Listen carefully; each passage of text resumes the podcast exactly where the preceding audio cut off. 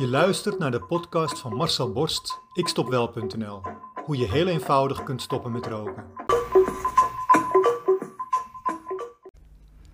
Vandaag gaan we het specifiek hebben over Marcel's grote passie: roken. Of liever, stoppen met roken. Marcel kon niet vermoeden dat wat hem als kleinkind enorm aangreep, uiteindelijk onderdeel zou worden van zijn missie. Namelijk mensen in één keer van het roken afhelpen. En dat hij daar zo ongelooflijk succesvol in is, is geen toeval, maar heeft zeker ook te maken met een hele diepe persoonlijke drive. Wat maakt dat zijn aanpak zo doeltreffend is? Hoe werkt het? En werkt deze aanpak ook voor andere verslavingen? Je hoort het allemaal in deze episode. Heel veel luisterplezier.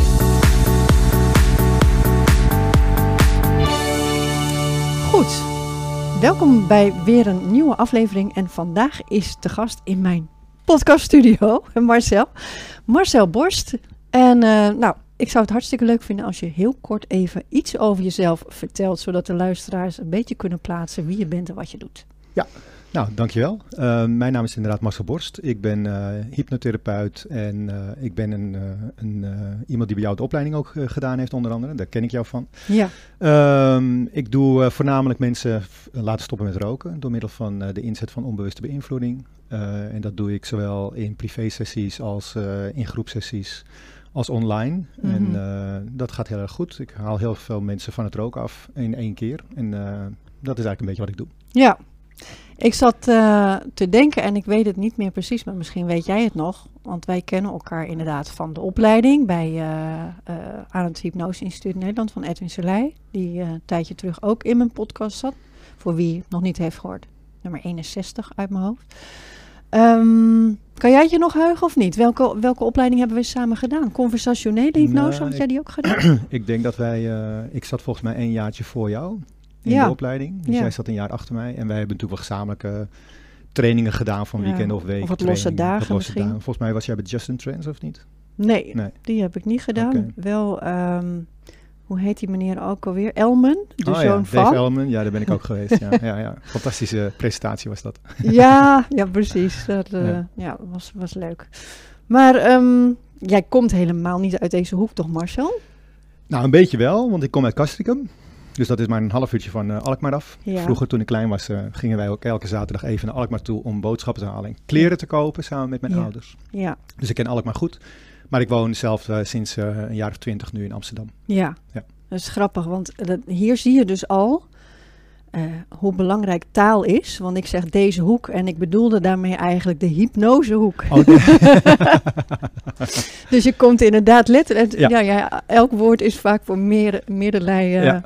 interpretatie vatbaar. Maar uit de hypnosehoek, je hebt hiervoor echt heel nee, andere dingen gedaan. Dat klopt, dat klopt ook, ja. Ik was, uh, voordat ik hypnose ging doen, uh, heb ik uh, heel lang gewerkt als projectmanager in, in de retail bij Albert Heijn op het hoofdkantoor. Ja.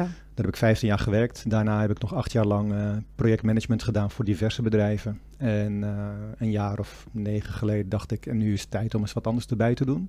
Maar dacht je dat opeens? Of, uh... nou, dat was meer. Ik was, uh, het, het, was natuurlijk de crisis 2008, 2009. En uh, toen was ik al zelfstandige bezig, maar ik had al bijna een jaar geen opdracht gekregen. Dus op een gegeven moment raakt het potje natuurlijk leeg. Dus ga je toch eens nadenken van wat kan ik allemaal nog meer doen. Ja. En toen wilde ik eigenlijk iets erbij gaan pakken wat je gewoon heel gemakkelijk erbij kan doen, maar wat je ook weer heel gemakkelijk los kunt laten als je weer een opdracht hebt. Oh ja. Dus iets wat gewoon er tussendoor kan. Iets achter de hand. Iets achter de hand hebben, mm. ja, dat was het idee. En toen ben ik naar een uh, seminar geweest over uh, online werken, hoe je, hoe je een online business kunt opstarten en wat daar de mogelijkheden in zijn. En daar werd ik eigenlijk geïnspireerd. En gelijktijdig uh, kwam ik een uh, hypnose training tegen van een weekend in Wormerveer. Gewoon een beetje aanraken, een beetje spelen met hypnose.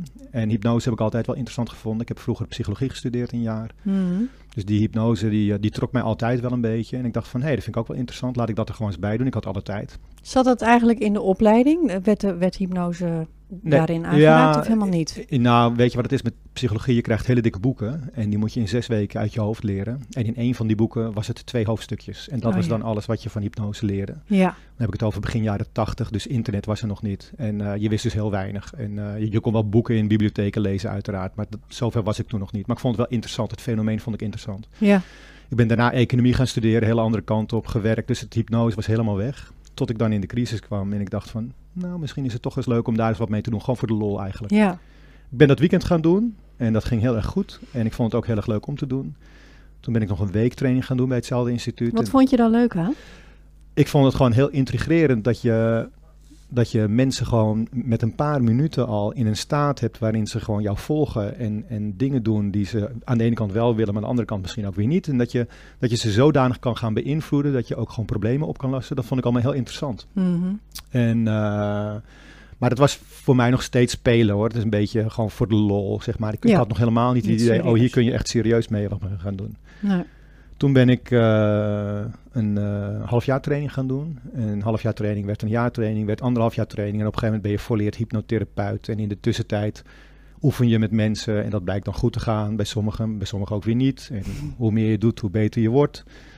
Weet je nog echt een, een, een horrorklant of? Of nou ja, niet klant, maar een horrorgeval dat je echt dacht van, oh jeetje, Ik heb, een slechte herinnering. ik heb- Even smullen. Ik heb een goede en een slechte herinnering. Ja. Mijn goede herinnering is mijn eerste klant die ik, ehm, die ik deed toen ik nog in de opleiding was. Hmm. Die meneer die kwam ik tegen op internet, dat was Kees. Een Kees die eh, op een of andere ik weet niet meer eens waar het was, maar die babbelde met mij en die zegt, wat doe je? Nou, ik doe ook hypnose. Oh, hij zegt, kun je dan mij van het roken afhelpen? En ik zeg, ja, dat kan ik wel. Wij hadden geleerd op de, op de opleiding, je moet altijd bluffen, want als je bluft, dan kom je een heel eind. Dus ik ging bluffen. Ja. Ja, dat kan ik wel. Nou, dan kom ik bij je langs. Wat kost dat? Ik zeg, kost je helemaal niks, want ik moet oefenen. Ik zit in de opleiding, dus voor mij ben je oefenmateriaal. Nou, fantastisch. Dus die man die komt langs. En die zit bij mij op de bank en ik zeg, oké, wat, wat is jouw rookgedrag? Hoe ziet dat eruit? Hey, hoeveel rook je per dag? En hij zegt, ja, ik rook eh, zo'n beetje drie pakjes per dag, maar ik rook geen Nederlandse sigaretten, want die doen mij niks. Ik haal mijn check uit Libië. Want dat is hele zware check en dan kan Ja. hij dan, daar, daar voelt hij tenminste nog wat bij. En daar rookte hij dan drie pakjes per dag van. Dus het was een hele zware roker. Ja. En op dat moment dacht ik echt van, oh jee, het was mijn eerste klant, ik was aan het oefenen, ik blufte dat ik het wel zou kunnen. En ik had echt zoiets van, nou, ik weet niet wat dit gaat worden, maar goed, ik deed net alsof. Ja. Ik heb een sessie met hem gedaan en ik ben, ik denk, anderhalf uur met hem bezig geweest. En hij gaat naar huis en ik heb niks meer van hem gehoord. En ik had eigenlijk zoiets van, nou, dat zal, eh, dat zal verder niet zo goed gegaan zijn. Tot ik hem een half jaar later een mailtje van hem kreeg. En toen zei hij, eh, Marcel, ja, ik heb nog een ander probleem en ik zou graag weer bij willen komen voor hypnose als dat kan. Dus eh, hij komt weer bij me, hij legt 300 euro neer en hij zegt, dat is voor jou. Ik zeg, hoezo? Hij zegt, eh, ik ben toen bij jou weggegaan, ik stond in de lift, ik wilde mijn pakje sigaretten pakken en ik dacht, nee, ik hoef helemaal niet te roken. Mhm. Hij zegt, vanaf dat moment heb ik nooit meer een sigaret aangestoken. Wow. Dit heb ik de eerste maand al terugverdiend en dat is nu voor jou. Geweldig. Ik had mijn eerste betaalde klant en het was meteen een succesvolle klant. Dus dat was geen horrorverhaal. Voor mij horror van binnen, maar Ja. het was een geslaagde sessie. Ja, zeker. En een, eh, een echt horrorverhaal, dat is misschien... ehm, ja, jij kent mij eh, natuurlijk al een beetje. Ik ben heel erg eh, straight to the point. Ik ben Ja. heel erg ja, recht door zee, zeg maar. Dat heb ik zelf af en toe niet helemaal door. Dus ik kan mensen wel eens een beetje schofferen met de manier waarop ik communiceer. Hmm. Ehm, en ik heb een keer een dame gehad die ook voor stoppen met roken kwam. Inmiddels was ik wel gewoon professioneel therapeut. En eh, bij mij in Amsterdam heb je dan een parkeerterrein, een parkeergarage.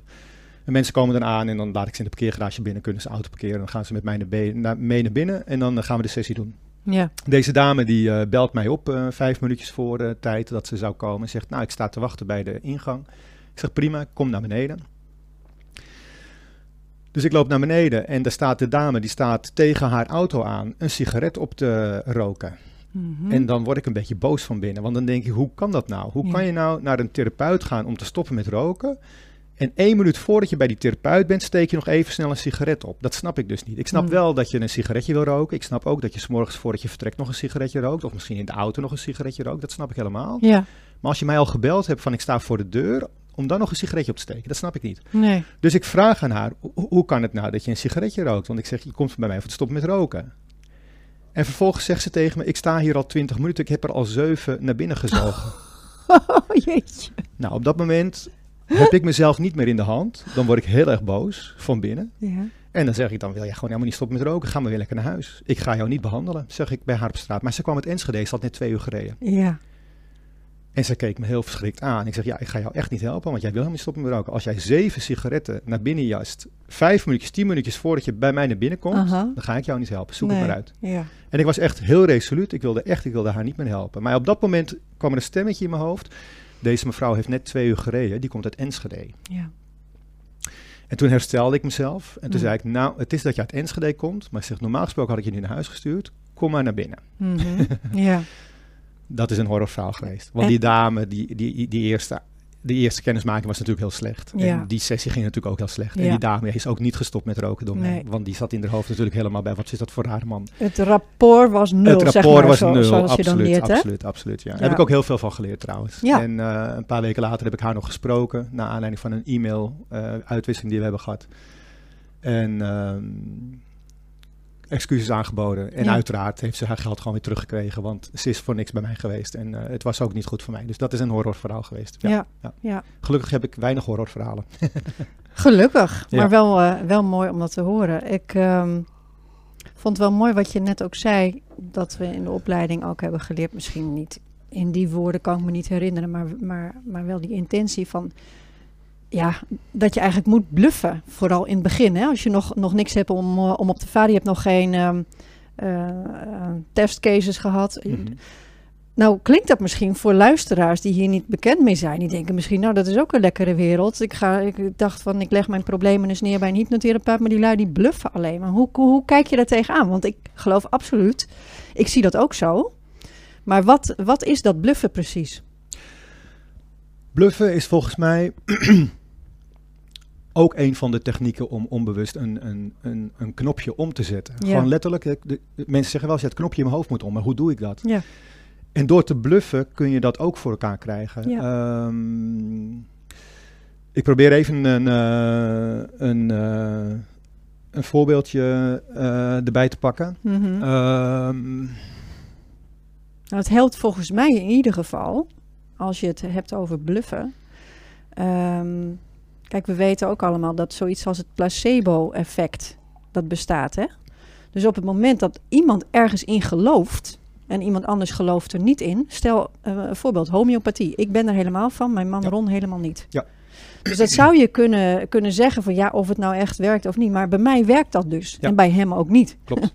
Dus er zit een- zoveel in Ja. datgene gewoon voor waar aannemen eh, ja, waar jij in wilt geloven. Klopt. Dat gaat gebeuren, hè? Ik heb dezelfde ervaring. Eh, er is een eh, onderzoek geweest naar. er is ooit een keer, en dat is in 2008 geweest, is er een, een, een vaccin ontwikkeld. En dat vaccin was de bedoeling om een vaccin te zijn op het effect van nicotine in het brein van mensen. Dus ze waren Mhm. bezig om een soort van medicijn uit te vinden waardoor rokers gemakkelijk zouden kunnen stoppen met roken.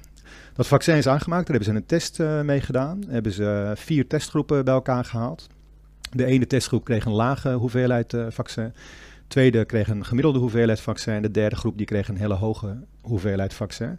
En de vierde groep die kreeg een placebo-middel. Dus gewoon letterlijk Ja. zoutoplossing die Ja, eigenlijk helemaal niets Niks doet. zou doen. Mhm. En uit de resultaten bleek dat na een half jaar 40% was gestopt van zowel de placebo-groep als de lichte groep als de middelmatige groep. Mhm. Als iemand op eigen kracht stopt met roken, dan lukt het maar bij 6%. Als ze een placebo krijgen of een niet werkend vaccin, want dat bleek dus niet te werken, Ja, ja, dan blijkt opeens dat 40% stopt met Ja, roken. Nou, dat is dus ook bluffen. Op het moment dat je zegt, dit gaat jou helpen en dit heeft heel goed resultaat bij iedereen, je bluft het gewoon, Ja. dan heb je veel meer kans dat het probleem bij die persoon wordt opgelost dan als je dat niet zou zeggen. En dat, dat is ook bluffen. Ja. Absoluut. Ja. Ja, en daarom is het eh, ook zo, wat je, hè, wat je heel vaak ziet, wat tegenwoordig mede door internet wel aan het eh, veranderen is. Mensen kunnen veel meer informatie bijvoorbeeld zelf opzoeken. Maar vroeger waren dingen als wat de domino zegt, of Ja. de dominee zegt, of de dokter Ja. zegt, of de, hè, de, de, de Ja. expert alleen al door die jas aan te doen. Of oom-agent, die, hè, eh, nepagenten die, eh, die aanbellen of wat dan ook. Dat is ook allemaal bluff en het werkt dus gewoon. Dus het, ja, wat dat betreft leven we in één wereld vol hypnose natuurlijk. Ja, Hè? Kijk maar naar de reclames. Eh, een Ja. reclame voor een tandpasta-merk met iemand met een witte jas aan. Waarom? Omdat hij dan veel eh, meer als een autoriteit overkomt. Ja. En ook uit de verkoopcijfers blijkt dat hij daardoor veel meer verkocht wordt. Ja. Dus het is alles, eigenlijk alles om ons heen is hypnose. Ja. Het is allemaal onbewuste beïnvloeding. Kom jij nog veel mensen tegen die toch aarzelend zijn om met je in zee te gaan of een training te doen? eh, Of, omdat ze dat hypnoseverhaal toch heel eng vinden. En hoe ga je er dan mee om? Absoluut. Ehm, heel veel mensen die hebben bij hypnose het idee van eh, showhypnose, wat ze op televisie zien, eh, heel snel iemand in een diepe hypnose brengen die helemaal in slaap lijkt te zijn. En dan doet zo'n hypnotiseur, die doet er van alles en nog wat mee. En het lijkt wel alsof het ook een beetje tegen hun wil is. En dat willen ze Mhm. dan niet. En dan Mhm. krijg je van dat soort opmerkingen als je laat me er straks toch niet als een kip zonder kop kakelen of zo. Dat soort, eh, Ja, dat die- soort angsten die- hebben ze dan. Kip, het is elke, kip, altijd ja, die ja, kip, hè? Die kip is altijd, ja, die komt altijd terug. ja. Ja. ja, en dat is natuurlijk heel jammer, want eh, dat wordt, bij mensen is dat het concept hypnose. Als ze aan hypnose denken, dan denken ze daaraan. En hypnose is eh, zo ontzettend veel meer dan alleen dat. Hypnose is le- echt letterlijk alles wat jou beïnvloedt om een bepaalde keuze te maken of om Ja, iets anders te gaan doen. ja. En dat kan al een heel klein zinnetje zijn of een woordje zijn. Eh, heel goed voorbeeld, ik, ik kijk naar Victor Mits op televisie, Ja. Mindfuck. Ja. En die had laatst een experimentje. En in dat experimentje zag een groep van ik geloof 40 of 50 mensen. Die ziet dan een filmpje. Een filmpje duurt ongeveer 30 seconden. En dan zie je vanuit een helikopteropname zie je hoe een auto door een stad rijdt eh, met vrij snel hoge eh, snelheid. En dan rijdt hij een parkeerterrein op. En op dat parkeerterrein rijdt net een auto naar achteren en die rijden elkaar aan. Dat duurt Ja. 30 seconden. Iedereen Ja. heeft dat filmpje gezien. En vervolgens eh, stelt Victor Mits de vraag: met welke snelheid kwamen deze auto's tegen elkaar aan? Mhm. De groep is verdeeld in vier, drie deelgroepen. Eén deelgroep heeft een bordje met een oranje vel papier, één met een groen vel papier, één met een rood vel papier. En op dat vel papier staat de vraag: met hoeveel kilometer per uur denk jij dat deze auto's tegen elkaar aanrijden? Mm. Met Oh. hoeveel kilometer per uur denk jij dat deze, deze auto's tegen elkaar aanbotsen? Mhm. En met hoeveel kilometer per uur denk jij dat deze auto's tegen elkaar aan crashen? Mhm. Dus er is maar één woordje in elke vraag is anders. Ja, plus de kleuren zijn anders. Plus de kleur, ja. Op het moment dat Victor Mits zegt wie denkt dat, die, eh, dat ze met 15 km per uur tegen elkaar aanrijden, gaan alle groene bordjes omhoog. Als je vraagt 30 km per uur, gaan alle oranje bordjes omhoog. Als je vraagt 45 km per uur, gaan alle rode bordjes omhoog. Ja. Het woord crashen zorgt ervoor dat je onbewust kiest voor ja. 45 km per uur. Dat is ook onbewuste beïnvloeding. Dat Ja. is ook hypnose. In taal, in, in, in beeldvorming, overal alles is hypnose. Mm. Alleen mensen zien alleen maar dat enge dingetje op televisie en denken dat je dat met ze gaat doen, maar dat is helemaal niet zo. En ze zien dus eigenlijk ook niet vanzelf in dat hypnose ook in je voordeel gebruikt kan worden, omdat ze zo gehypnotiseerd zijn dat hypnose iets Klopt. is tegen je wil. Klopt. Reclame maakt er misbruik van, de showhypnose zet je voor, voor eh, eh, Jan met Ja. nou, weet je wel. Dus eh, terwijl je het dus, want nou ja, mijn eh, doelgroep zijn natuurlijk de perfectionisten, de controlfreaks, Mhm. en die zijn dan altijd heel bang omdat ze denken, ja, maar ik ben juist controle. Ik wil altijd graag weten waar ik aan toe ben. En dan ga je zo meteen zeggen dat ik mijn ogen dicht moet doen. En dan, wat gaan we dan doen dan? En straks, dan heb ik mezelf niet onder controle. Nou, dan Ja. ben ik ook altijd heel snel klaar. Ik zeg, waarom zit je hier ook alweer? Wat had je ook alweer niet onder controle in je Ja. leven? Ja. Oh ja, nou help me toch maar dan. Maar eh, ja, dat is het verhaal. Dus er hangt toch nog altijd wel een ge- geheimzinnig stigma omheen. Ja, en zo is mijn doelgroep ook. Die, die zit ook in een eigen hypnose. Want rokers die denken allemaal dat ze verslaafd zijn aan de sigaret. En dat is helemaal niet zo. Vertel, hoe die, zit die, het dan? die sigaret, en ik, ik bewijs dat ook altijd in mijn sessie. Het is vrij simpel eh, om het te bewijzen. Die, die sigaret, daar ben je helemaal niet aan verslaafd. Iedereen denkt dat het verslavend is. En het, natuurlijk, nicotine is ook heel verslavend. Mhm. Maar als je kijkt naar het rookgedrag wat, wat iemand de hele dag doet, dan is slechts 10% heeft te maken met de nicotine. En 90% heeft te maken met het feit dat je gewoon heel onbewust het jezelf hebt aangeleerd. Het is gewoon gedrag. Ja. En als je die 90% kunt veranderen, dan blijkt die 10% opeens helemaal geen probleem meer te zijn. En dat Nee. is wat ik doe. Ja. En ik bewijs altijd dat ze niet verslaafd zijn. En dat is een hele simpele vraag. Ik vraag altijd eventjes van, wanneer rook jij nou nooit? En er is maar één antwoord wat voor elke roker geldt. En dat bewijst meteen dat je niet verslaafd bent. En dat is als je slaapt. Ja. Want als je slaapt, dan rook je niet. Er is Nee. geen enkele roker die wakker wordt om te roken. Maar als jij verslaafd bent, als je aan de alcohol bent of aan de cocaïne of aan de heroïne, je spuit, dan moet jij om de twee, drie uur moet je scoren. Je moet snuiven, je moet spuiten, je moet drinken, omdat je Oh. anders eh ontwenningsverschijnselen krijgt, hallucinaties, koortsaanvallen, woedeaanvallen, spiertrekkingen, kan van alles zijn. Maar Hmm. dat hebben rokers helemaal niet. Die kunnen gemakkelijk tien uur slapen zonder dat ze wakker worden om een sigaretje te roken. Oh, oké. En dat bewijst meteen al dat het lichaam tien uur zonder kan. Ja, Want je wordt niet wakker om te roken. nee. Als jouw lichaam tien uur zonder kan, dan kan hij ook honderd keer tien uur zonder. Jouw lichaam heeft het niet nodig. Ja, En zo kan ik bewijzen dat roken geen verslaving is, maar gedrag. En zodra dat kwartje gaat vallen, en in mijn sessie bewijs ik dat natuurlijk op nog drie verschillende andere manieren, waardoor ze echt op geen enkele manier meer kunnen geloven dat ze verslaafd zijn. Mhm. Als dat kwartje eenmaal is gevallen, is het opeens heel gemakkelijk om te stoppen met Ja. roken. Ja. Want zolang je verslaafd bent, kun je de schuld geven aan iemand anders. Aan de verslaving. Het ligt buiten jou. Ja. Na drie weken geprobeerd ja, dan kun je zeggen van, hé, hey, ik neem weer een sigaretje. En dan zeg je opeens van, oh jee, ja, zie je wel, ik ben ook zo verslaafd. Ik kan niet eens stoppen met roken. Mhm. En dan geven ze de schuld aan een ander. Maar op het moment dat je het jezelf betreft, omdat het je eigen gedrag is, is het een ander verhaal.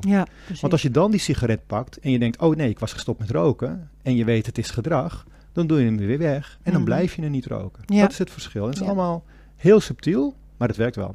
Ja, absoluut. Ja. En hoe lang had jij ook alweer gerookt? Ik heb ooit één trekje van een sigaret gehad.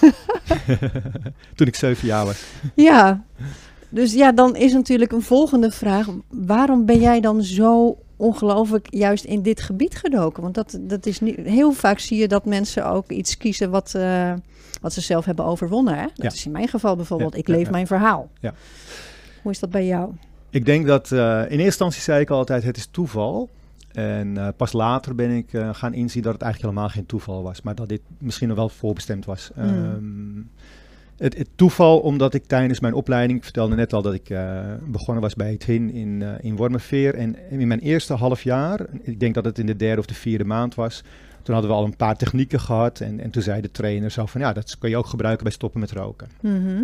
En er zat een eh, collega in de zaal en die dame die kwam uit België en die rookte heel veel. En, en voor de lol zei ik van, nou weet je wat, straks in de pauze gaan we het even doen. Dus ik heb in de pauze met haar 20 minuten, ik weet niet meer, een half uurtje, ik weet niet precies, hebben we dat geoefend, hebben we dat gedaan. En ze was gestopt met roken. Mhm. De hele middag rookte ze niet meer en dat was voor haar uitzonderlijk. En wij dachten nog van, nou dat is toeval, vanavond gaat ze wel weer roken. Maar drie weken later, toen we weer bij elkaar kwamen voor weer een eh, nieuwe sessie van de opleiding, toen was ze nog steeds gestopt met roken. En dat heeft drie maanden geduurd. Dus ze heeft drie maanden niet gerookt, Mhm. Omdat ik een beetje met haar had geoefend. ja. En mijn trainer die had dat gezien en die hoorde dat. En die zegt tegen mij, dat moet jij eens in de gaten houden. Want misschien heb jij wel wat met roken. Dat is niet normaal. Dat dat zo, eh, zo'n zo- effect al Ja, heeft, de eerste effect. oefenkeer, Ja, zeg en maar. toen was Kees natuurlijk inmiddels ook al langs geweest. En daar was het ook goed gegaan. Oh ja. en, eh, dus ik ben inderdaad wat meer op het roken gaan zitten. En wat meer mensen voor stoppen met roken naar me toegetrokken. En dat bleek inderdaad heel vaak gewoon heel goed te gaan.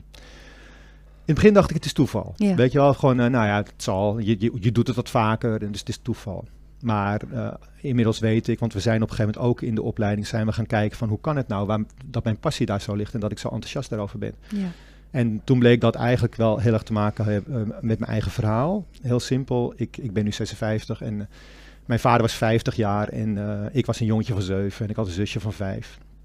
En mijn vader die rookte eh halfzware check. Ik zie nog hoe het pakje eruit ziet, vanille, rode letters met een wit randje eromheen, blauw pakje. En hij maakte altijd een checkje en, en dan rook hij een checkie. En eh, zijn broers die, die rookten ook. Dat was toen heel normaal. Ja. Net na de Wereldoorlog 70% van Nou ja, Nederland zwangere rookte. Dus vrouwen ja, ook. Mijn op- moeder rookte ook, volgens mij, toen ze zwanger was. op ja. verjaardagen stonden de sigaren en de sigaretten gewoon in een glas op tafel en, en de kamer zag blauw. Ja. Dus die tijd heb ik nog meegemaakt. Mijn vader die rookte en, eh, en mijn moeder die rookte gelukkig niet. En mijn vader die, ehm, die had een broer die vier jaar ouder was. En samen met twee broers had hij een eigen bedrijf. En eh, die ene broer die vier jaar ouder was, die zat op kantoor. Die deed een beetje de administratie en de boekhouding. En eh, op een gegeven moment moest hij hoesten en die hoestte bloed op. En die is naar het ziekenhuis gegaan. En een half jaar later was hij dood, want hij had kanker, longkanker. Ver Mm. voor het stadium, kon niks meer aan gedaan worden. Hm. Dus mijn vader kreeg toen een waarschuwing. En eh, die is toen naar het ziekenhuis gegaan, gewoon voor de zekerheid. Dat was een sterke vent, hij was nooit ziek. Dus we hadden geen enkel idee dat het foute boel zou zijn, maar dat was dus wel foute boel. Hij had ook kanker in zijn longen. Hij had nog geen klachten, hij ging nee, eigenlijk helemaal niks. Helemaal niks. Hij ging gewoon, ja, omdat zijn broer was dacht Ja. van, nou laat ik voor de Ja. zekerheid even gaan checken. Maar hij had geen enkele aanleiding om überhaupt te denken dat het foute boel zou zijn. Nee. Hij was nooit had nooit griep, was nooit verkouden, was altijd aan het werk, werkte zeven dagen in de week. Dus het was een berensterke vent. Maar zijn hele linkerlong was verkankerd van boven naar beneden, was één kankergezwel. En eh, hij had toen één mazzel, want die artsen hebben toen tegen hem gezegd... als je vijf maanden later was geweest, hadden we niks meer aan je kunnen doen, want dan was het uitgezaaid. Ja. Maar hij was er nog op tijd bij. Ja. Dus door zijn broer kreeg hij een waarschuwing en hij was er op tijd bij. Hij kon geopereerd worden. En eh, in de operatie hebben ze zijn hele long eruit gehaald, begin jaren Jeetje. 70. Dat Ja. was toen een experimentele operatie. Hij was de derde in Nederland waarbij dat gebeurde. En jij was nog een jong eh, Ik was een jongetje van zeven. Ja. En eh, dus ik heb die tijd meegemaakt en ik heb gezien wat het aan mijn vader deed. Want hij kwam thuis en van altijd aan het werk en nooit thuis, was mijn vader opeens altijd thuis en hij kon letterlijk niks meer. Want als mijn Mhm. vader 10 meter liep van de bank naar de tafel, dan stond hij bij de tafel te hijgen en te hoesten en te proesten. Dan kwam er alleen maar adem uit. Hij kreeg een hele rode kop. En wij hebben honderden keren gedacht, hij valt hier ter plekke dood neer, omdat hij stikt. Mijn, mijn moeder die stond erbij en die keek ernaar. Machteloos voel je. En dat gevoel, dat ken ik. Ja, Dus ik weet wat het is om een geliefde te zijn van, van die roker. Ik weet wat het is om die zoon of die dochter of de partner of de moeder of de vader of weet ik veel wie te zijn. ja, Die ziet hoe jij gaat lijden als jij straks eenmaal zo ver bent dat het foute boel is. ja. Ik weet wat het is. En gelukkig heeft mijn vader daarna nog 26 hele mooie jaren gekregen. Want zijn lichaam die werd langzaamaan ook weer steeds schoner en schoner. Mhm. En hij is uiteindelijk overleden aan iets wat helemaal niets met roken of longkanker te maken heeft. Ja, Dus ik heb nog hele 26 hele mooie jaren gehad. Maar die eerste jaren voor mijn vader ook, die waren heel erg slecht. Die waren heel erg moeilijk. plus jij zat in de periode waarin wij als hypnotherapeut ook altijd zeggen tegen mensen van 0 tot 7 jaar, Ja. je kindertijd, Ja. maken je ervaringen zoveel impact op je, omdat je, eh, ration, eh, hè, je ratio nog niet zo eh, ontwikkeld is. Ja. Dus het gaat allemaal ongezouten zo je onderbewustzijn Ja. in wat je dan ervaart. Dus dat heeft er enorm natuurlijk. bij jou. Absoluut. Ja. Heel toevallig, ik doe dit nu, nou ik denk dat ik het nu eh, bijna 10 jaar doe. 9 jaar.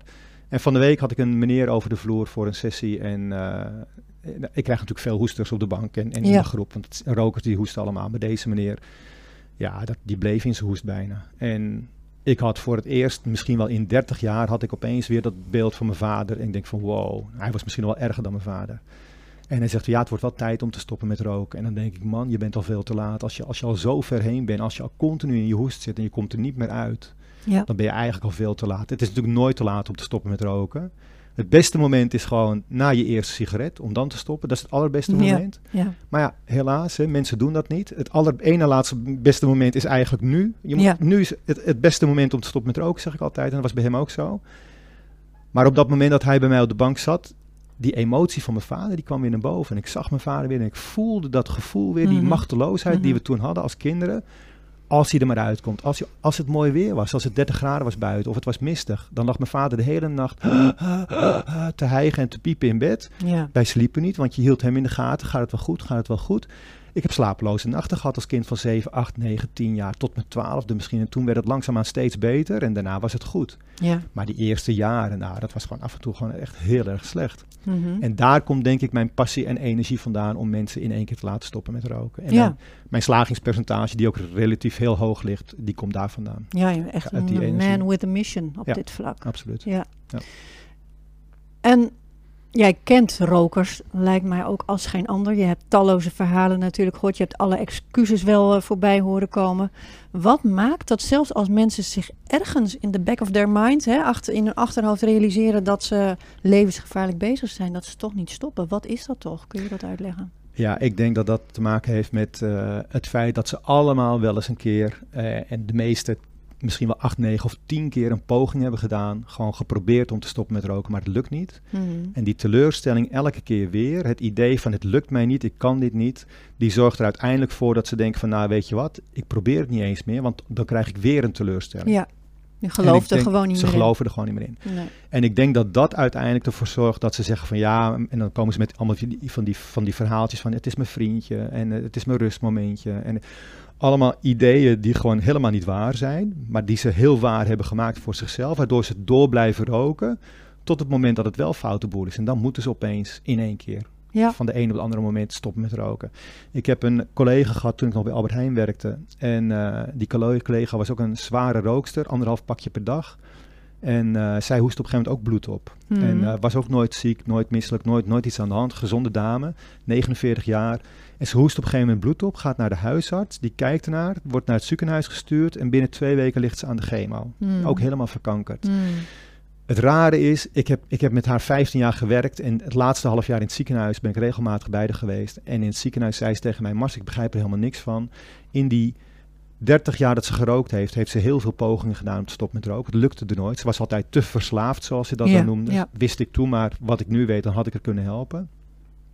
Maar ze zei tegen mij, vanaf het moment dat de arts zei, u heeft terminale kanker, Ja. heb ik geen sigaret meer aangeraakt. Ze had geen behoefte meer, geen gedachte meer aan een sigaret. Ze was letterlijk een niet-roker geworden. Ja.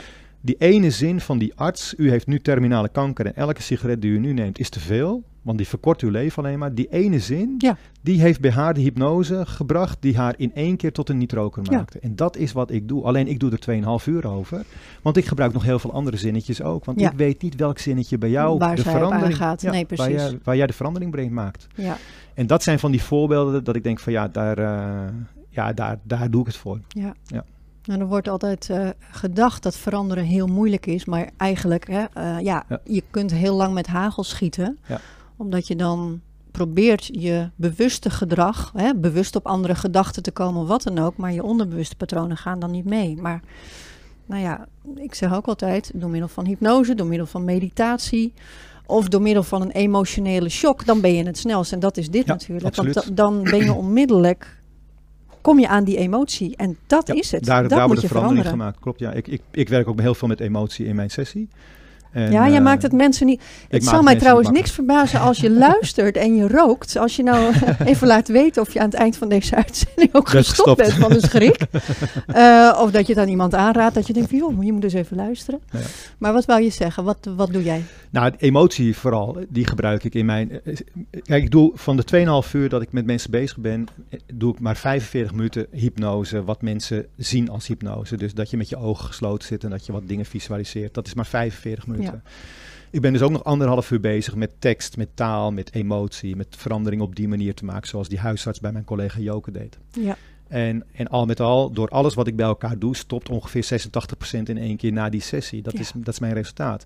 Maar ik gebruik heel erg die emotie. En heel toevallig, ik, ik noemde net Victor Mits. En eh, die had laatst ook weer een, een heel leuk voorbeeld van hoe emotie het gedrag van mensen in één keer kan beïnvloeden Ja. op onbewust eh, niveau. ja, was een vrij simpel testje. En eh, hij gaf mensen een, een houtblok met een heel scherp mes. En hij vroeg aan die mensen om dat mes in dat houtblok eh, met eh, de punt te steken. Nou, dat doen ze allemaal. 10, 12 mensen komen voorbij. Ze steken hem allemaal zo in dat houtblok. Mhm. Vervolgens legt hij een schuimrubberen plaat bovenop het houtblok. En hij vraagt opnieuw of ze dat mes er in één keer in willen steken. En ze doen het allemaal. Vervolgens legt hij een wit papiertje bovenop dat schuimrubberen laagje bovenop het houtblok. En hij vraagt opnieuw of ze dat mes erin willen steken. En ze doen het allemaal. Vervolgens vraagt hij aan die mensen of ze een foto bij zich hebben van Mhm. iemand die een geliefde van hun is. Iemand die belangrijk Oh, voor ja. hen is. Die foto wordt op dat papiertje gelegd en hij vraagt of ze dat mes er doorheen willen steken. Er is niemand die dat doet. nee, Ook na aandringen, er is niemand die dat doet. Nee. Opeens heb je een emotioneel iets gekoppeld aan gedrag Ja. en het gedrag is totaal veranderd. Ja. Dat is wat ik doe. ja. Mooi voorbeeld. Ja. Jeetje. En ehm, komen mensen allemaal nog bij jou één op één in de stoel? Hoe pak jij het aan? Eh, nou, eigenlijk het liefste niet. ik, eh, nou, is het ook nodig? Nee, het is niet nodig. Het, ik, doe, eh, ik doe het ook online en ik doe het ook in groepsessies. En het is vrij eenvoudig. Kijk, als je, als je één op één komt, ja, dan betaal je veel meer dan in een groepsessie. Dus ik raad eigenlijk altijd mensen aan, ga alsjeblieft naar de groepsessie. Want het resultaat is exact hetzelfde. Ja. Ik, je krijgt niet meer kans op slagen als je bij mijn privé komt dan als je het in de groep doet. Nee. Maar je betaalt wel twee keer zoveel. Dus Ja. ik vind het zonde van je geld. Dus Ja. ik verwijs ze altijd zoveel mogelijk naar de groep. Sommige mensen die willen het niet. Sommige Mhm. mensen hebben het er toch voor over om wat meer neer te leggen. Prima, dan kun je altijd één op één bij mij langskomen. Gemiddeld is het slagingspercentage in beide situaties hetzelfde, ongeveer 86%. En voor die 14% waarbij het niet meteen al goed is, heb ik dan nog 30 dagen extra nazorg. Krijgen ze elke dag een e-mail van me met een opdrachtje of een stukje herhaling of een videootje, een mp3'tje. Mhm. En die helpt ze door die eerste drie, vier weken heen. Want die verslaving, dat stukje nicotine, dat kan ik met hypnose niet uit het lichaam weghalen. Dat Nee. moet het lichaam zelf doen. ja, En daar hebben ze nog een beetje last van. Gelukkig hebben de meeste mensen hebben er geen last van, maar sommige mensen hebben er wel last van. En door mijn nazorgprogramma redden zij het ook om door die eerste twee weken heen te komen. Mhm. En achteraf zeggen ze allemaal, ik ben nog nooit zo gemakkelijk gestopt met roken. Ondanks dat ze misschien toch nog één of twee of drie weken moeite hebben moeten doen. Oké. En een hele enkeling, ja, die houdt ook dat niet vol. En die pakt toch weer die sigaret en dan ben je weer een roker. Ik Ja. leg je uit hoe dat werkt in je, in je brein met gedrag. Dan trigger je weer het oude gedrag. En zodra je die getriggerd hebt, dan is hij weer volledig terug. En dan rook je weer. Dat is eigenlijk de valkuil voor rokers. Soms komen ze na drie, vier jaar bij mij, eh, zijn ze drie, vier jaar gestopt. En dan opeens zijn ze weer begonnen. En dan zeggen ze, ja zie je wel, ik ben ik zo verslaafd. Ik had één sigaretje en het is weer terug. Maar dat heeft niks met verslaving te maken. Dat is dat onbewuste gedrag in je brein. Ja. Dat gedrag, dat zit daar gewoon. Ik vergelijk dat wel eens met zwemmen. Je leert zwemmen. Ik ben een jongetje van eh, 6, 7, 8, 9, 10 jaar. Ik heb mijn ABCD-diploma. Ik kan hartstikke goed zwemmen. En op een gegeven moment eh, vind ik het ook nog leuk om in de weekenden met mijn vrienden een beetje naar het zwembad te gaan. Mhm. En dan word ik 16 en ik word opeens 2 meter en ik weeg 70 kilo en ik zie er niet uit, gratenkaas. En ik durf het zwembad niet meer in, want ik durf mezelf niet meer te vertonen. Ja. Vanaf mijn 16e zwem ik niet meer. 40 jaar later sta ik bij een zwembadje met een paar vrienden en voor de lol douwen die vrienden mij in het zwembad. Het Hm. eerste wat je doet is wegzwemmen. Mhm. Ik heb 40 jaar niet gezwommen en toch weet mijn lichaam meteen wat Ja. hij moet doen om eruit te komen. Ja. Nou, zo werkt het ook met roken. Dat rookgedrag heb je ontwikkeld, dat zit in je brein. Die triggertjes die er zijn vroeger op, op, op een bepaalde stoel met een bepaalde collega, na een Mhm. wijntje, na een biertje, wanneer je altijd een sigaretje rookte. Die momentjes die zitten in je brein en jouw brein weet gewoon, oh Dat ja, dan gaan we roken, hoort Ja, erbij. ja. En zodra je dat sigaretje weer opsteekt, Ja. Dan wordt dat hele eh, stukje, dat netwerkje van het gedrag, dat rookgedrag, wordt weer geactiveerd inderdaad. Ja. En dan gaan al die oude triggers, die gaan allemaal weer actief worden. En opeens binnen een paar uur ben je weer volledig dezelfde roker als die een paar jaar daarvoor ook was. Ja. Ik waarschuw ze daarvoor. Ik leg ze uit hoe dat werkt, waarom het zo werkt, wat je kan doen om dat te voorkomen. Mhm. Ja, en gelukkig zijn de meeste mensen die daardoor bij mij komen, die, die blijven dan ook niet roken. Ja. Maar het kan gebeuren en dat, dat ligt niet aan de verslaving, maar dat ligt aan het feit dat het gewoon aangeleerd gedrag is, wat tot je doodgaat in je brein zit. Ja, nee, dat is heel irritant, want ik herken dat zelf. Eh, met mijn verslaving aan suiker eigenlijk. Weet je, dan denk ik van, nou, dan ben ik er weken, soms maanden van af. En ik voel me veel beter zonder. Ja. En dan ergens denk ik, oh, lekker dat stuk. En En dan pak je er één en dan, dan is het, is het, ja. Het is exact hetzelfde. Ik denk, hoe kan dat nou? dus gewoon- eigenlijk moet ik daarvoor een keertje bij jou. Eigenlijk moet je bij mij langskomen. Dan vervang gewoon sigaret door, suiker. door suiker. En dan kan je hetzelfde, dezelfde truc eigenlijk bij me doen. Dus eh. Nee, dat, dat, dat is echt zo, eh, zo irritant. Maar goed, zelfs dan, ook al doe je het, dan blijft dat dus, eh, hè, die waarschuwing blijf je iemand meegeven van doe dat nou niet. Klopt. Ja, het is Ja. de grootste valkuil, zeg ik altijd. Ja. Ik, kan, ik zeg altijd tegen de mensen, jong, ik kan voor jou een niet-roker maken. En voor mij is een niet-roker iemand die geen enkele gedachte heeft aan een sigaret en ook geen enkele behoefte voelt aan een sigaret. Nou, 86% lukt dat. Als je geen gedachte, geen behoefte meer hebt, dan steek je hem niet meer op. Heel Nee, simpel. Nee. Maar mocht het een keer gebeuren dat je toch denkt van, eh, ja, iemand biedt hem aan. Of je denkt, nou weet je wat, eentje kan wel. Ik rook al drie jaar niet meer, eentje kan wel. Ja. Ja, op dat moment komt dat oude gedrag komt weer terug. Ja. Maar het, het kan niet. En ik, ik, ik waarschuw er ook voor. Ik zeg altijd, ik kan wel een niet-roker van je maken, maar ik kan er niet voor zorgen dat je een niet-roker blijft. Want dat moet je zelf doen. Ja. Heel simpel. Iedereen heeft twee vingers, twee lippen. Ik ben een niet-roker, maar als jij mij nu een sigaret opsteekt, ik kan hem zo aansteken. Ja. Geen enkel probleem. Nee. Zeker voor mij niet, want ik heb geen rookgedrag. Dus ik kan hem daarna ook weer uitdoen. Mhm. Maar een roker kan hem daarna niet meer uitdoen, Nee. want zijn rookgedrag is weer geactiveerd. En die zit daar, dat heeft hij 30 of 40 jaar lang gedaan. Dat gedrag dat zit daar en dat blijft daar zitten tot de, dag van, de laatste dag van je leven. Zo werkt het. Ja, wat irritant is dat Ja. zeg. Nou is toch ook een ander iets wat ik heel vaak heb gehoord. ehm, dat, wat mensen weerhoudt van het willen stoppen met roken. Dat ze al de ingeprogrammeerde angst hebben. Ja, maar dan vliegen straks de kilo's eraan. Oh het toch ja. over suiker Ja, oh, die hoor ik zo vaak. Ja, toch? ja, absoluut. Hoe ga je daarmee om dan? En het leuke is, ook dat is hypnose. Ja, Want als iemand daarin gelooft, dan gebeurt dat waarschijnlijk ook. En Ja. als iemand daar niet in gelooft, dan gebeurt het niet. Het Mhm. gebeurt in ieder geval niet bij het merendeel van de mensen die bij mij komt. Eh, een enkel incidentje, daar gebeurt het wel eens bij dat ze een aantal kilo groeien. Maar ik leg ze in mijn programma uit waar het door komt. En wat je er tegen kan doen om het te voorkomen. Want het is Mm. simpelweg te voorkomen. oké. Het verhaal is vrij gemakkelijk. In, in tabak zit gewoon suiker. De tabaksindustrie die voegt allemaal chemicaliën toe, onder andere suiker. En waarom voegen ze suiker toe? Omdat ons lichaam van de, uit de evolutie behoefte heeft aan vet en suiker. Dat, dat is gewoon iets waar, je vertelde het net zelf al, Ja. die, die, die zin in suiker die wordt daar gewoon door, door gevoed. Dus je krijgt continu, ook al zou je van jezelf heel weinig suiker gebruiken, je krijgt continu suiker binnen. Hmm. Dus jouw bloedsuikerniveau ligt vrij hoog. Dat betekent dat jouw lichaam ook veel insuline aanmaakt om die bloedsuiker weer op te heffen, om het om te zetten in energie of in vet. Ja, En dat, dat doe je al 30 jaar. Dus dat insulineniveau is al 30 jaar heel hoog. En nu ga je stoppen met roken. Ineens komt er geen suiker meer binnen. Hmm. Maar het insulineniveau blijft hoog. En wat zegt het lichaam als er veel insuline is en weinig suiker? Dan zegt hij, hé, hey, ik heb zin. Ja, Ik ga je krijgt een craving voor, Ja. voor. Je gaat snaaien. Ja. Snoepjes, koekjes, chipjes, patatjes, whatever. Als het maar koolhydraten zijn. Ja. En wat gebeurt er in die eerste drie, vier weken? Je vervangt de suikers van de, van de sigaret voor suikers van het Mhm. eten. ja, En die suikers van het eten, die hebben nu eenmaal een ander effect op je lichaam. Want die zorgen ervoor dat je kilo's gaat groeien. ja. En de grootste tip is, en ik geef hem gewoon gratis weg.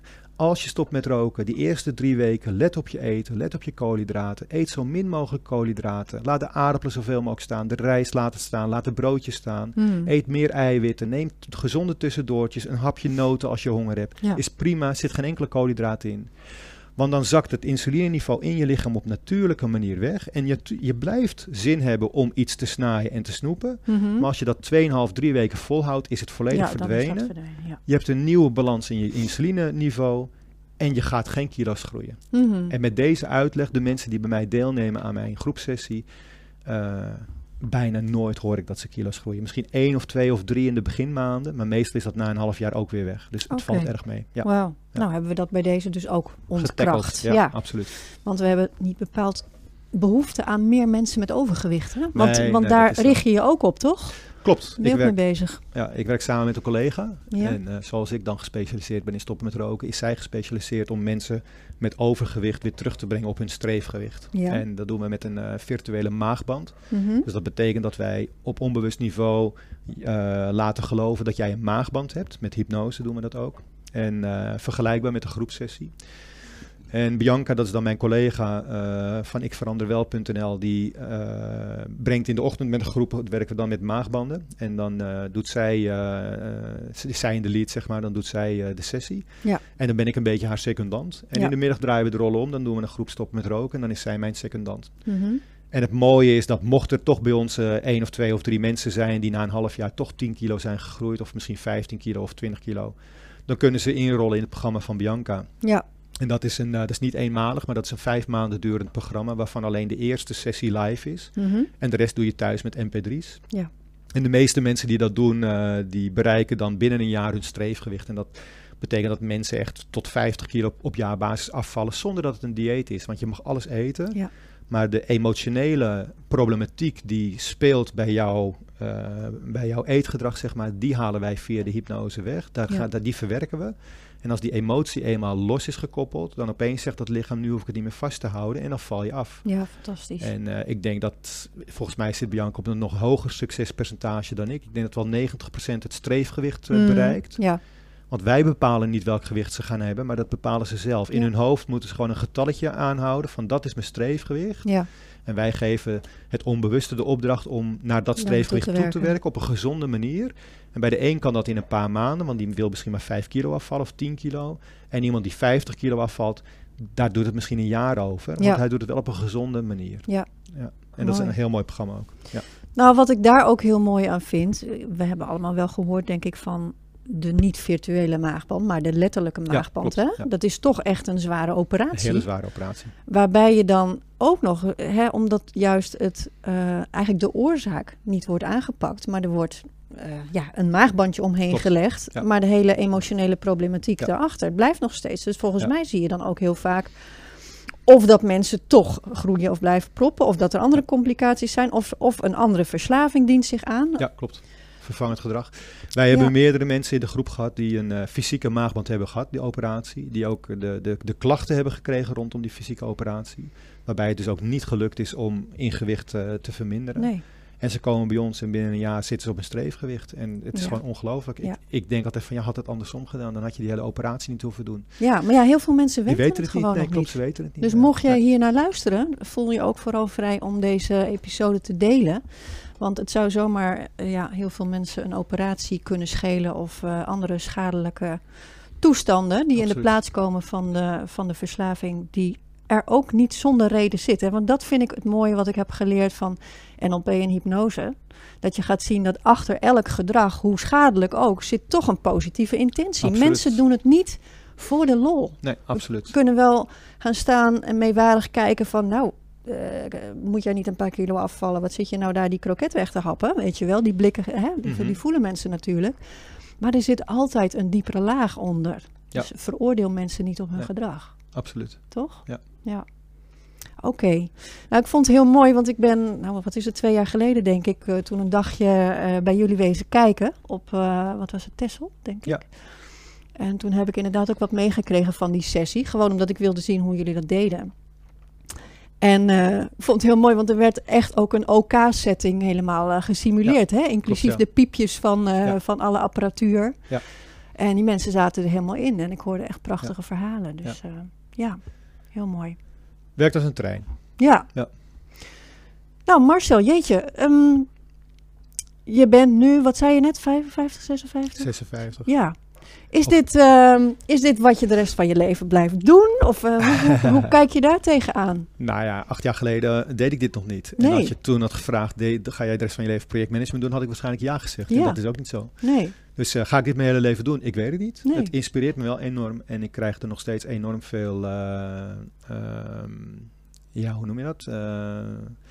Het, Voldoening, Ja, voldoening van elke keer als ik een mail ontvang van mensen die ik heb laten stoppen met roken. En ik krijg ook mailtjes van mensen die elk jaar mij een mail sturen van ik ben alweer een jaar niet roken. En dan krijg Oh ik ja? een heel verhaal te horen. En ik krijg elke keer weer kippenvel van dat soort verhalen Ja. opa's die zeggen van ik heb nu mijn derde kleinkind en die had ik nooit gezien als ik jou niet eh, had gezien en ik ben zo dankbaar en dat soort verhalen allemaal. Mm. Ik had laatst een, eh, kreeg ik een eh, e-mailtje van twee jongens, dat waren Marokkaanse jongens, die, hadden, die waren opgevoed door een pleegmoeder. En die pleegmoeder die had kanker en die moest dus stoppen met roken, is bij mij geweest. Maar die kon het eigenlijk niet betalen. Dus de jongens die hebben het voor haar betaald. Omdat Mm. zij haar hele leven voor, haar, voor hun eh, was opgekomen, deden zij nu wat terug. Ze had nog een half jaar te gaan en ze was bij mij, eh, het was de enige, de eerste en de enige met, eh, met een zuurstoffles, met slangen in de neus, met een, met een draagbare, ik weet allemaal niet wat het allemaal was, maar ze had allemaal Ja. materiaal bij zich en dus die kwam bij mij de sessie doen. Die werd gebracht door een van haar eh, Marokkaanse verpleegjongens. En eh, sessie gedaan en die gaat naar huis. En na een half jaar kreeg ik al te horen dat de sessie goed gegaan was. Want vanaf het eerste moment rookte ze niet meer. Mhm. En na een jaar kreeg ik een kaartje van ze en daar stond op: eh, Mijn moeder hoeft niet meer aan het zuurstof. De flessen zijn ook weg. Ze leeft nog steeds. Ze heeft veel meer energie.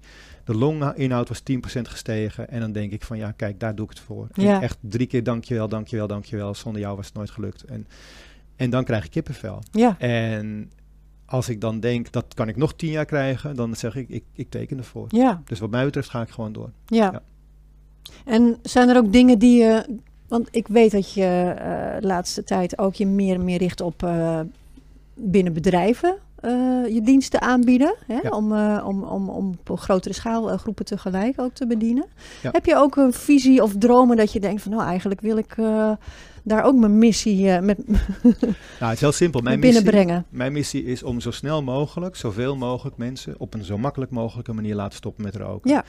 En één op één ga ik de wereld niet, de, de, de oorlog niet winnen Nee, natuurlijk. Dus nee. op een gegeven moment ben ik begonnen met groepsessies. En eh, met groepen werkt het net zo effectief als één op één, wat ik al gezegd heb. Ja, en nu doen we gewoon normale groepsessies. Maar ik heb inmiddels al twee bedrijven gehad die mij benaderd hebben voor... kun je niet een sessie bij ons bedrijf doen? En dat heb ik laatst, eh, nu een half jaar geleden heb ik dat gedaan. Ehm, toevallig een maand geleden een mail gekregen van de directeur... dat iedereen die in die sessie is geweest, is gestopt met roken. Dus Zo. ik heb 100% score gehaald daar al. Wauw. Mijn scorepercentage meet ik pas na een jaar. Dit was Ja. na een half jaar, maar Ja. het ziet er dus goed uit. Ja. En ehm, ik wil gewoon, het maakt niet uit op welke plek het is, maar mijn groepsessie kun je overal doen. Dus als je in een bedrijf zit en, en je baas die, eh, die staat ervoor open, dan eh, ja, eh, Mhm. meld het en ik kom langs. En met al je collega's die roken gaan we gewoon zorgen dat een merendeel stopt met roken. ja, geweldig. Ja. Tof. Laten we deze wereld gewoon rookvrij maken met z'n allen. Ja. Ja.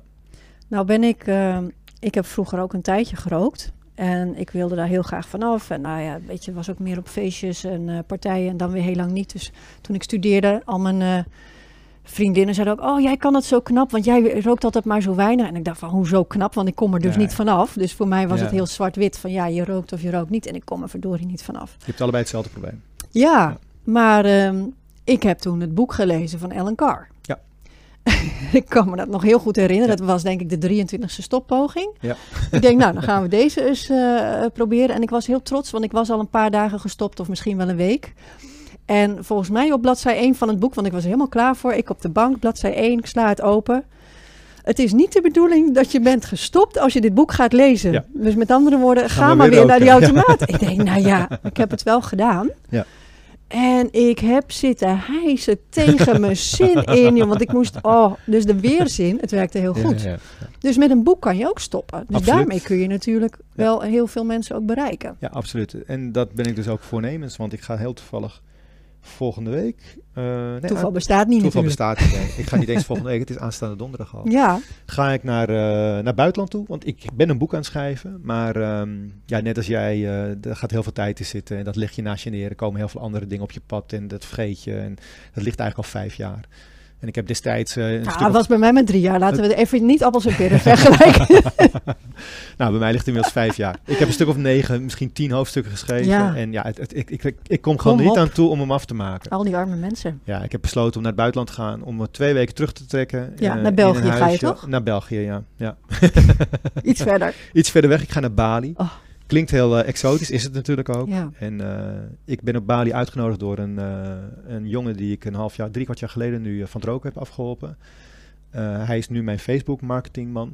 Die woont eh, negen maanden per jaar op Bali en drie maanden per jaar woont hij in Nederland. En die heeft mij uitgenodigd om op Bali te komen als tegenprestatie voor Wie kan er beter ads voor jou doen dan ik iemand, zeggen, hè? ja, maar daarom had geweldig. ik hem ook gevraagd. Ik Ja. zeg, als je in Nederland bent, kom langs, want dan weet je waar je over praat. Eh, want hij maakt mijn advertenties en teksten en, en dan heb je het zelf meegemaakt. Ja. Dus hij heeft bij mij in de groep gezeten in Duivendrecht. En, en hij was ook in één keer een niet-roker. Ja. En hij snapte helemaal niks van, want hij rookte heel veel. En van de een op de andere dag, hij taalt er niet meer naar. Geen Nee. gedachte, geen behoefte meer aan een sigaret. Ja.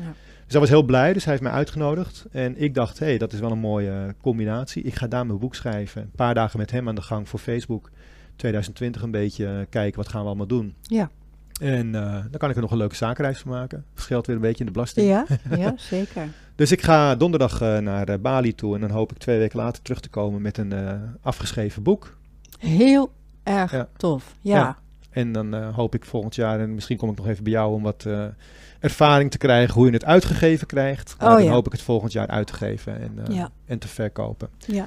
Ja, en dan ga ik inderdaad mijn manier van stoppen met roken, ga ik daarin omschrijven. En dan hoop ik net als bij Ellen Carr, dat ik heel veel mensen zo ver weet te krijgen dat ze dat sigaretje laten liggen. Ja, nou ja, jij weet inmiddels wel welke zinnen je wel en niet eh, Ja, eh, ja. kunt eh, gebruiken om, dat, om die kans te vergroten. Dus Ja. mooi. Ik denk zeker dat je het aan heel veel mensen verplicht bent om dat boek gewoon eruit te rammen. Ja.